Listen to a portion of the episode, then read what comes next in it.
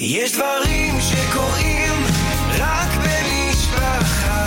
לינו עם חייגו כוכבית 6485. אתם מאזינים למשפחה פודקאסט. לא תשכח.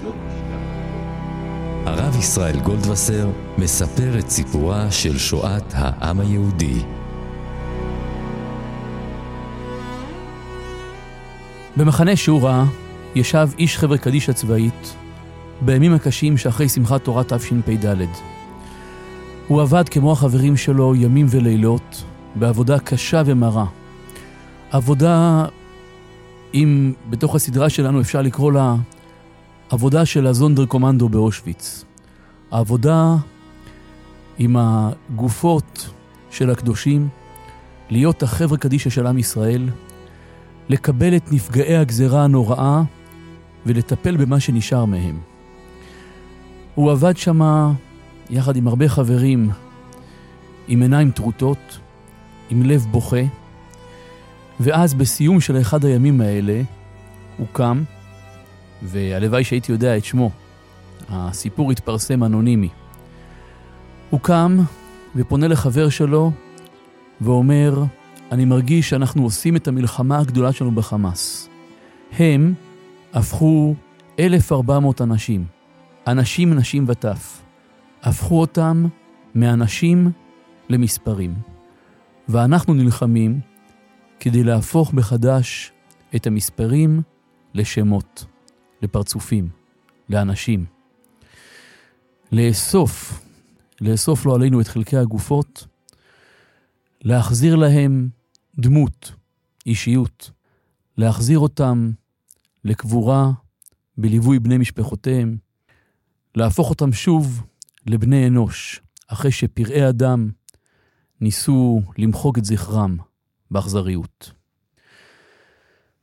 אי אפשר שלא לחזור לסיטואציה הזאת שמתארים מאות אלפי הניצולים, ניצולי השואה, איך שהם מגיעים אל המחנות, מפרידים אותם מבני משפחותיהם, את הילדים, את בני המשפחה, הפכו לאפר, ובהם עצמם חוקקים את המספר והופכים אותם לנתון, למספר.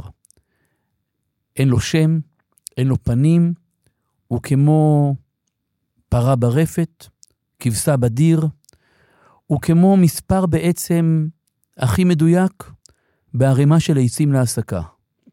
כי יום יבוא והמספר הזה מבחינת הנאצים אמור גם כן למלא את התנור. וההיסטוריה חוזרת, וההיסטוריה היהודית העצובה והמוכרת, מוכרת עד לכאב, חוזרת עוד פעם. הפרק הזה שלנו הוא אחר, כי כל הפרקים שמסרנו כאן בסדרה, הם היו פרקים על צרות ישראל שבעבר.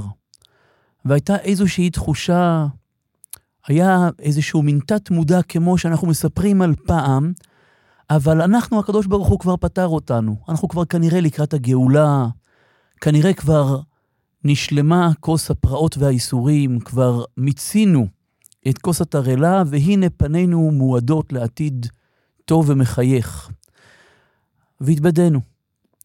נוכחנו פתאום לראות שאנחנו חלק מהשושלת הארוכה של עם ישראל שהולך ומתמודד, ונושא על גבו, נושא על עצמו את הסיפור הכואב, את גזירת האנטישמיות, את סיפור הרדיפות, ויחד איתו את כל זאת בעטנו ולא שכחנוך. צרות ישראל הם לא עבר, הם עדיין הווה. בואו נתפלל שכעת כבר אפשר סופית לספר עליהם בעבר. היסטוריה, מטבעה, היא מפתיעה. המשפט ההיסטוריה חוזרת הוא משפט מבלבל, כי אין דבר כזה ללמוד מההיסטוריה לפני. ללמוד מההיסטוריה זה רק אחרי, אני אנסה להסביר. אם ההיסטוריה הייתה צפויה, היא לא הייתה מתרחשת. אם מישהו היה יודע אכן בהושענא רבה תשפ"ד מה עומד לקרות למחרת, זה לא היה קורה. אם היהודים היו יודעים בתרצ"ט מה עומד לקרות בעוד שנה, זה לא היה קורה. היסטוריה מטבעה היא לא צפויה. היא חייבת להיות לא צפויה. אבל אחרי שהיא מתרחשת, אפשר לראות את הכללים שלה. אפשר לעקוב אחריה ולמצוא לראות כביכול את אצבע אלוקים היא, כיוון שכולה היא מעשה אלוקים, לראות את הכללים, לראות איך שהדברים חוזרים על עצמם. בפרק הזה אני אנסה לענות על הרבה הרבה שאלות ששמעתי בחודשים האחרונים לגבי האם זה אותו דבר, האם זה שונה, במה זה דומה, מה למדנו אז, מה למדנו כעת, ולאיפה כל זה מתקדם. ננסה לענות קצת בעניותי על השאלות האלה, כמובן לא במבט של עיני בדולח של גדולי ישראל, שהם היחידים שיכולים לומר מה הקדוש ברוך הוא רוצה, מה המטרה, מה התפקיד, אלא יותר במבט של היכרות עם האירועים. לנסות ללמוד אותם. לנסות לראות את ההשוואות, את החילוקים, לנסות לקבל כוח מהעבר, לראות עברנו הכל, אז נעבור כמובן גם את זה, ולהבין ביחד איך ההיסטוריה הזאת מתקדמת.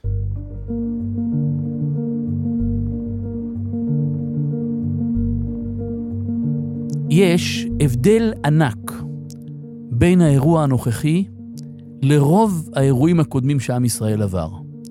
ישנו כלל היסטורי מחז"ל שהיהודים נופלים אצל חזקים. רדב"ן יוחנן בן זכאי אומר לאספסיאנוס, המצביא הרומאי שעומד בשערי ירושלים, הוא אומר לו, שלום עליך קיסר רומי, ואספסיאנוס מתרגז. אתה מורד במלכות, אסור להגיד קיסר רומי, יש קיסר ברומא. אמר לו רבן יוחנן, אין דבר כזה. אם אתה עומד פה בשערי העיר עם הצבא שלך ועומד לכבוש אותה, יש לנו כלל, הלבנון באדיר ייפול. חז"ל אומרים, כל המיצר לישראל נעשה ראש, מסבירים רבותינו בעלי התוספות, לפני שמיצר לישראל הוא נעשה ראש. לא נותנים משמיים למישהו שהוא לא ראש, להצר לישראל. שלא יאמרו אומות העולם, אומרת הגמרא, נבוכדנצר, לפני שהוא כבש את ארץ ישראל, הוא נהיה מושל בכיפה. הוא נהיה אימפריה. שלא יאמרו אומות העולם, בידי אומה שפלה נתן הבורא את בניו. וזה חזר על עצמו תמיד. כשנפלנו אצל הבבליים, הם היו אימפריה. כשנפלנו אצל הרומאים, הם היו אימפריה. אימפריה אדירה ששלטה ברוב העולם מאות שנים. בכל פעם שהתענינו, סבלנו, בדרך כלל זה מידיה של מדינה מאוד מאוד מרכזית. גירוש ספרד, גירוש פורטוגל, כששתיהן היו אימפריות שולטות בכיפה עם צי שמקיף את כל העולם, וכיבושים ביבשת החדשה, באמריקה, כיבושים באפריקה. כמעט תמיד היהודים גולים אצל הכי גדולים. ערב השואה זה היה כל כך ניכר המהפך הזה, כי גרמניה הייתה מדינה מובסת, מושפלת, עם אינפלציה עצומה, עם מינוס ענק, מדינה כמעט בלי צבא ובלי משטרה ובלי הנהגה, מפולגת ושבורה, ואז, באיזה גזירת שמיים נוראה, המיצר לישראל, כיוון שהם נועדו להיות לנו לשבט מרדות, נעשה ראש. משמיים ממליכים את אותו חדל אישים להפוך להיות קאנצלר גרמניה, את אותה מדינה שבורה, הופכים אותה בבת אחת. זה, כשלומדים את זה בהיסטוריה, זה, זה נראה מהפך שלא קולטים בכלל את הקצב שלו. בדרך כלל בספרי היסטוריה על המלחמה, הפרק שמדבר על המהפך הכלכלי שעבר על גרמניה, המהפך הארגוני, המהפך היצרני, המהפכה של הצבא שהתבסס בתוך שנים ספורות, מה שקוראים תוכנית ארבע השנים, זה כל כך מהר שקשה לקלוט את הקצב בכלל. גזרת שמיים, מיצר לישראל נעשה ראש. כך היה בכל הגזרות הקודמות. והפעם, בדיוק מן ההפך אל ההפך. הפעם, בורא עולם נתן לנו את העונש הנוכחי על ידי יחפנים עזתים, חסרי כל, אנשים שמגיעים עם קלצ'ניקוב, מול טנקים, מול מטוסים, ואמרו כל אומות העולם, בידי אומה שפלה נתן הבורא את בניו. דומני שזה אחד המסרים המרכזיים של הסיפור. זה לא איזה עונש מהעונשים שחווינו במהלך ההיסטוריה, מהעונשים שמדוברים בתורה, של אם תלכו עמי קרי, של וישמן ישורון ויבעט, וירא השם וינעץ, הפעם זה משהו אחר. כבר הבאתי אתכם אל ביתי, כבר סלחתי לכם, כבר דאגתי לכם, נשאתי אתכם על כפיים, כנשר יאיר קינו, היינו בכמה עשרות שנים מאוד רגועות ושקטות יחסית, שנים של שפע, אבל מישהו פה קצת שכח, מישהו קצת התבלבל. איך מתארים חז"ל? הילד נישא על כתפו של אביו, ואבא דואג לו לכל מחסורו, ואז הוא שואל אנשים, אתם ראיתם את אבא שלי? אבא זורק אותו רגע מהכתפיים, ופתאום הילד נזכר מי נושא אותו. ראשית, זה במהפך הזה, בשינוי הזה, של ליפול אצל כאלה אפסים. התחושה הזאת של איך זה יכול להיות, איך זה יכול לקרות, שכל אחד שואל וכל העולם שואל. והדבר השני, זה ליפול אצל חיות אדם, ליפול אצל חיות טרף. השאלה השנייה שכולם שואלים אותה, האם האכזריות שחווינו בשמחת תורה האחרון, האם הייתה כדוגמתה בשואה? התשובה היא כמעט מוחלטת, ואני לא יודע אם אני מאכזב מישהו, אבל בשואה זה לא היה כך. הנאצים, בעיקרון, היו ג'נטלמנים. הם מסבירים לחיילי האס-אס שהם גזע עליון.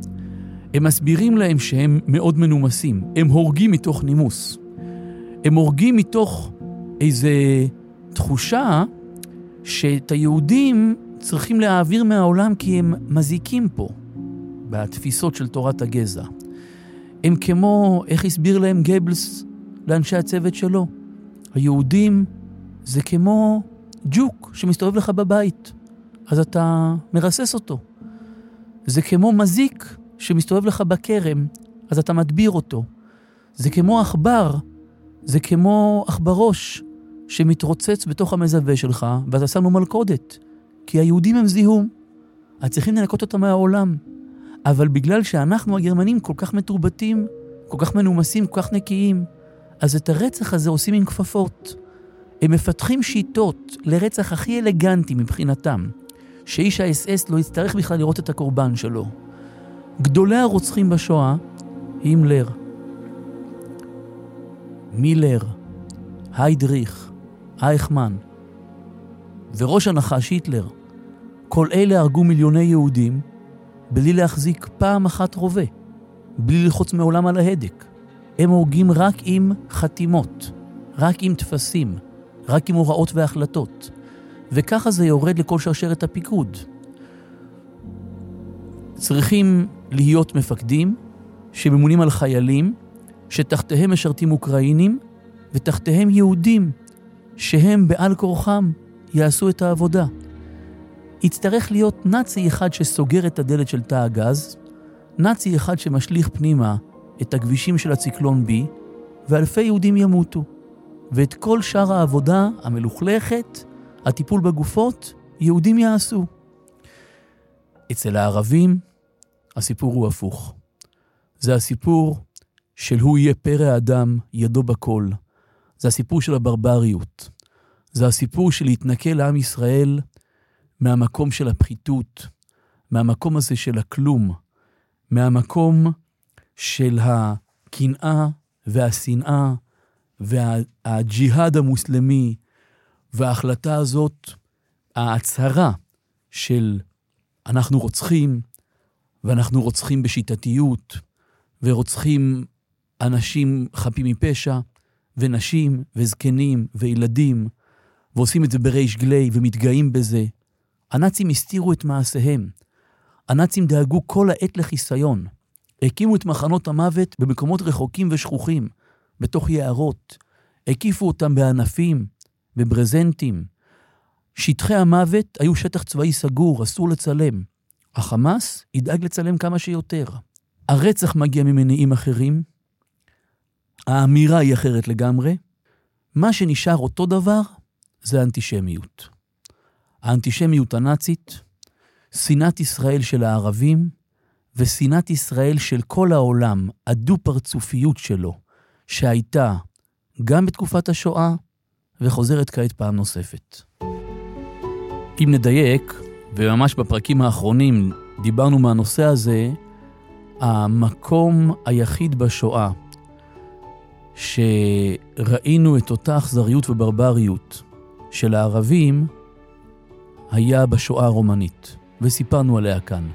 כמובן בקצירת העומר, לגלות טפח ולכסות טפחיים ויותר, כי כמו שאירועי שמחת תורה אין הדעת סובלתן, והנפש היפה סולדת מהם, והעיתונות החרדית מאוד מתנזרת ומאוד מצנזרת, וצריכה כל העת לשמור על העדינות של ילדינו ועל שלוות הנפש שאנחנו חייבים לגייס אותה לתקופה הזאת. ורוב הציבור שלנו, וקל וחומר הילדים, לא יודעים באמת מה קרה. כולם יודעים שהיה נורא ואיום. אותו דבר גם בסיפור של רומניה. לא יכולתי לספר את הסיפור האמיתי, אבל אם היה משהו דומה, זה, זה הסיפור הזה. והרומנים הרגישו כלפי היהודים כמו היהודים הם הסוג א', אנחנו הפחותים והנחותים. ואז הם באו בדומה למגמה הערבית, להתאכזר, לנקום, לשלול שלל, אה, אה, ברוטליות, אה, אכזריות, רוע, רוע לשם רוע. הכיוון הנאצי הוא כיוון אחר, והכיוון של גלות ישמעאל, וכאמור, אותו, אותה מזכרת אצל הרומנים בשואה, אלה המקומות הדומים. האנטישמיות היא אחידה בכל מקום, ויש כאן נקודה מעניינת, שגם היא נובעת מהשואה. השואה הפכה בכל העולם את המושג גזענות למושג פסול ונורא. למה?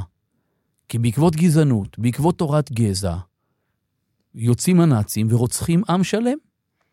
העולם כביכול מזדעזע, העולם כאילו לומד מוסר, ושולל את הגזענות מכל וכול. בשם אותה תפיסה, מקימים ארגונים כמו האו"ם, יוצאים למלחמה בגזענות, לחינוך נגד גזענות, והגופים הללו קיימים היום. ובשם לא להיות גזענים, אסור לבוז למוסלמי. צריכים לקבל, צריכים להכיל. השמאל האירופאי מקבל הגירה, מקבל מוסלמים. כעת כולם מתחילים להתעורר וללמוד בדרך הקשה כמה שהם משלמים על יפהפיות הנפש הזאת. במקום לומר בקול שעשו שונא ליעקב, שגויים שונאים יהודים, וזה לא בסדר ועליהם להכות על חטא על כך. במקום זה הופכים את זה לשם כללי, גזענות. ובסופו של דבר, מי סובל מכך? עוד פעם היהודים. בשם המלחמה בגזענות, את הערבים מקבלים בזרועות פתוחות, והיהודים אשמים. וכשמגיע כזה אירוע נורא כמו עכשיו, אז עוד פעם, אותם מוסלמים עומדים במדינות אירופה, ובעיתונים מתפרסמות כותרות כמו הפגנה בלונדון בעד פלסטין, הפגנה בפריז בעד פלסטין, הפגנה בבריסל, הפגנה בשטוקהולם. מי מפגין שם? מוסלמים. כשלא רוצים לספר את הסיפור האמיתי, כשלא רוצים לקרוא לילד בשמו, כשלא מפרגנים לנו עם ישראל אפילו לסבול. כמו המילה אנטישמיות שכבר דיברנו עליה בעבר, שהיא מילה אנטישמית, הרי זה לא אנטישמיות, זה הרי אנטי-יהודים. הרי גם הערבים הם שמיים. רק קוראים לזה בכזה מין שם כללי מכובס, אנטישמיות. כמו שאסור לדבר על הסבל היהודי, אז אסור גם לדבר על הגזענות נגד יהודים. אסור להציף את האנטישמיות יותר מדי כמו תופעה שצריכים להילחם בה, אלא מדברים על גזענות, ובשם הגזענות מקבלים את הערבים הרוצחים, ומנופפים באצבע מורה כלפי היהודים, אל תעשו להם, אל תפגיזו אותם, אתם האכזריים. בחלק הזה של האנטישמיות, ההיסטוריה מאוד מאוד חוזרת עוד פעם. גם בתוך המלחמה חווינו את האנטישמיות. אני לא מדבר מצד גרמניה, ממנה בוודאי, אבל גם ראינו את כל העמים מסביב וסיפרנו על כך, איך שהם חובקים ידיים ולא עושים כלום. לגמרי לגמרי משלימים עם המצב. אף אחד לא מוטרד באמת ממצבם של היהודים בזמן שהם צועדים אל המשרפות, וכל זה חוזר עכשיו עוד פעם. כשאנחנו עומדים כמעט מבודדים, גם כשיש אומה, חסידי אומות העולם, גם כשיש כאלה שנותנים לנו גב, זה כל הזמן בלאחוז את האצבע על המתג, באיום של אנחנו מאוד מהר הולכים להוריד את השלטר, אנחנו מאפשרים לכם, אבל קצת, אבל תיזהרו. לכולם מותר להפציץ, רק ליהודים אסור. בעומק זה ממש אותו דבר. כי כמו שהנאצים שונאים יהודים, כי היהודים זה עם נבחר, כמו שבעצם גם הרומנים וגם הערבים, כולם מסתכלים על היהודים בקנאה, על עם הספר, על העם המיוחד הזה, אותו דבר גם כעת, כל העולם בעצם דורש מאיתנו איזו מוסריות נעלית שאף אומה לא דורשת מעצמה. בעומק, הכל חוזר אותו דבר. יהודים עם לבדד ישכון, כולם יודעים שזה עם מיוחד, יאמרו כל הגויים עם חכם בנבון הגוי הגדול הזה, הם לא יפסיקו לרדוף אותנו בגלל זה, אבל רק ידרשו מאיתנו דרישות בלתי אפשריות, יסוסו במפלתנו, ורק הקדוש ברוך הוא, היחיד שאנחנו יכולים לברוח לזרועותיו. לפני תקופה ארוכה, אני יכול לגלות uh, סודות מן החדר. כשהתחלנו את הפודקאסט הזה, הוא התחיל בשני פרקים שעשיתי יחד עם רעי וידידי, הגדול ממני בחוכמה, הרב יונתן אליצור. הוא מדריך בפולין שנים ארוכות, התחיל בעבודה הזאת הרבה לפניי. אני יכול לספר שהביקור השני שלי בפולין, אני חושב, היה בהדרכתו. ורציתי ללמוד איתו את סוגיית האנטישמיות. עשינו עליה פרק, בסופו של דבר הוחלט במערכת שבעצם יותר ראוי להתחיל לספר את סיפור השואה, ורק אז להביא את הפרק הזה בתור איזו הסתכלות מקרו, בתור הסתכלות כללית, ללמוד את הכל מלמעלה. דומני שכעת הגיעה ההזדמנות להשמיע את הפרק הזה עוד פעם. אה, הקלטנו אותו, אני מדגיש, לפני אירועי שמחת תורה. הקלטנו אותו בעצם לפני תחילת כל הסדרה. אבל כעת הוא הופך להיות רלוונטי מאי פעם. כשהאנטישמיות בעולם כולו מרימה ראש, אפשר ונכון שוב ללמוד את השורשים שלה, את השורשים שלה בהיסטוריה, את ההתגשמות שלה במציאות חיינו, ולראות את החלקים המנחמים והמיוחדים שבה. אחרי שסיימנו את הפרק על אנטישמיות, ביקשתי ממנו פרק נוסף, שגם הוא נהיה כעת מאוד רלוונטי. הצרות של עם ישראל שומרות עליו ומגבשות אותו. יהודים בכל העולם, יש נושא אחד שהיה אצלם בקונצנזוס, והוא שואה. גם בתקופות שעם ישראל מתחלק לשבטיו, לעדותיו, ולצערנו יש רבים רבים שיצאו מן הכלל, אה, הלכתית במידה מסוימת אינם בכלל אחיך. אה, יהודים שעזבו דת, והגיע אפילו למצב של רדיפת דת או שנאת דת. המקום שהיה בקונצנזוס היה שואה. לא רק בקונצנזוס, זה גם היה המקום שממנו כולם שאבו כוח. בדיוק כמו שאנחנו עושים כאן בסדרה, ללמוד את הסיפור, ועל הרקע של הסיפורים העצובים והקשים, לראות סיפורי גדלות ומסירות נפש, בדיוק אותו דבר, הרב אליצור ועוד uh, כמה חברים שלו מסתובבים כבר שנים ארוכות בגטאות ובמחנות, יחד עם כאלה שאינם שומרי תורה ומצוות. ומתהומות הקושי מראים להם את האמונה, את הכוח היהודי, את המקום המאחד שלנו, ועשיתי איתו שיחה ארוכה על הנושא. שיחה מרתקת, מרגשת ומיוחדת. כעת, השיחה הזאת נהייתה גם כן רלוונטית מתמיד. כי עד לשמחת תורה היה כאן כזה פילוג, אש של מחלוקת, כולם כאבו אותה. ופתאום הגיעה המכה הזאת, וקרו שני דברים. ראשית, למדנו שכולנו אחים, וכשסובלים, סובלים ביחד, ופתאום אנחנו מוצפים באכפתיות וערבות הדדית. שנית, רואים כמה יהודים מתחזקים דווקא מתוך הקושי והסבל.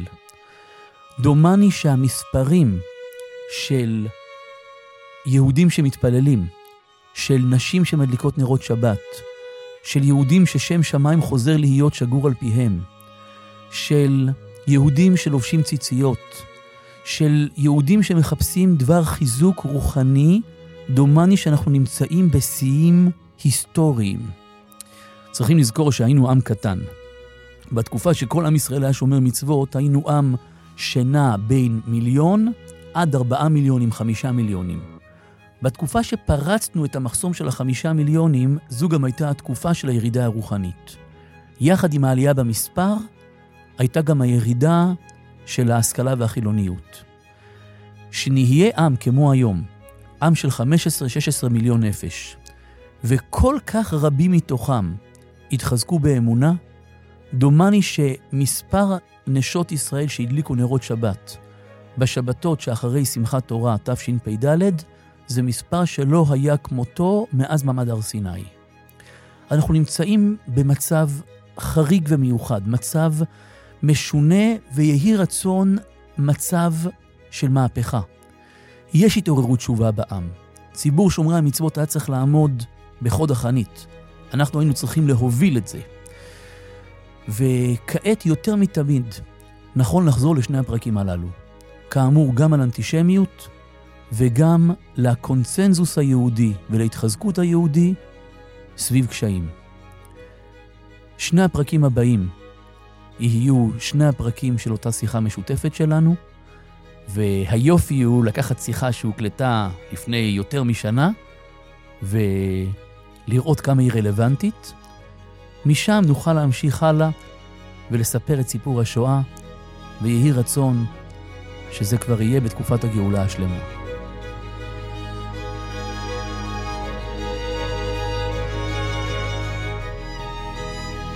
האזנתם ל"לא תשכח" מבית משפחה פודקאסט. אני ישראל גולדווסר, תודה לכם שהאזנתם לנו, ואני רוצה להודות בשמכם לכל אלה שעסקו במלאכה, לעורכת תהילה סיטון, למפיקה איילה גולדשטיין.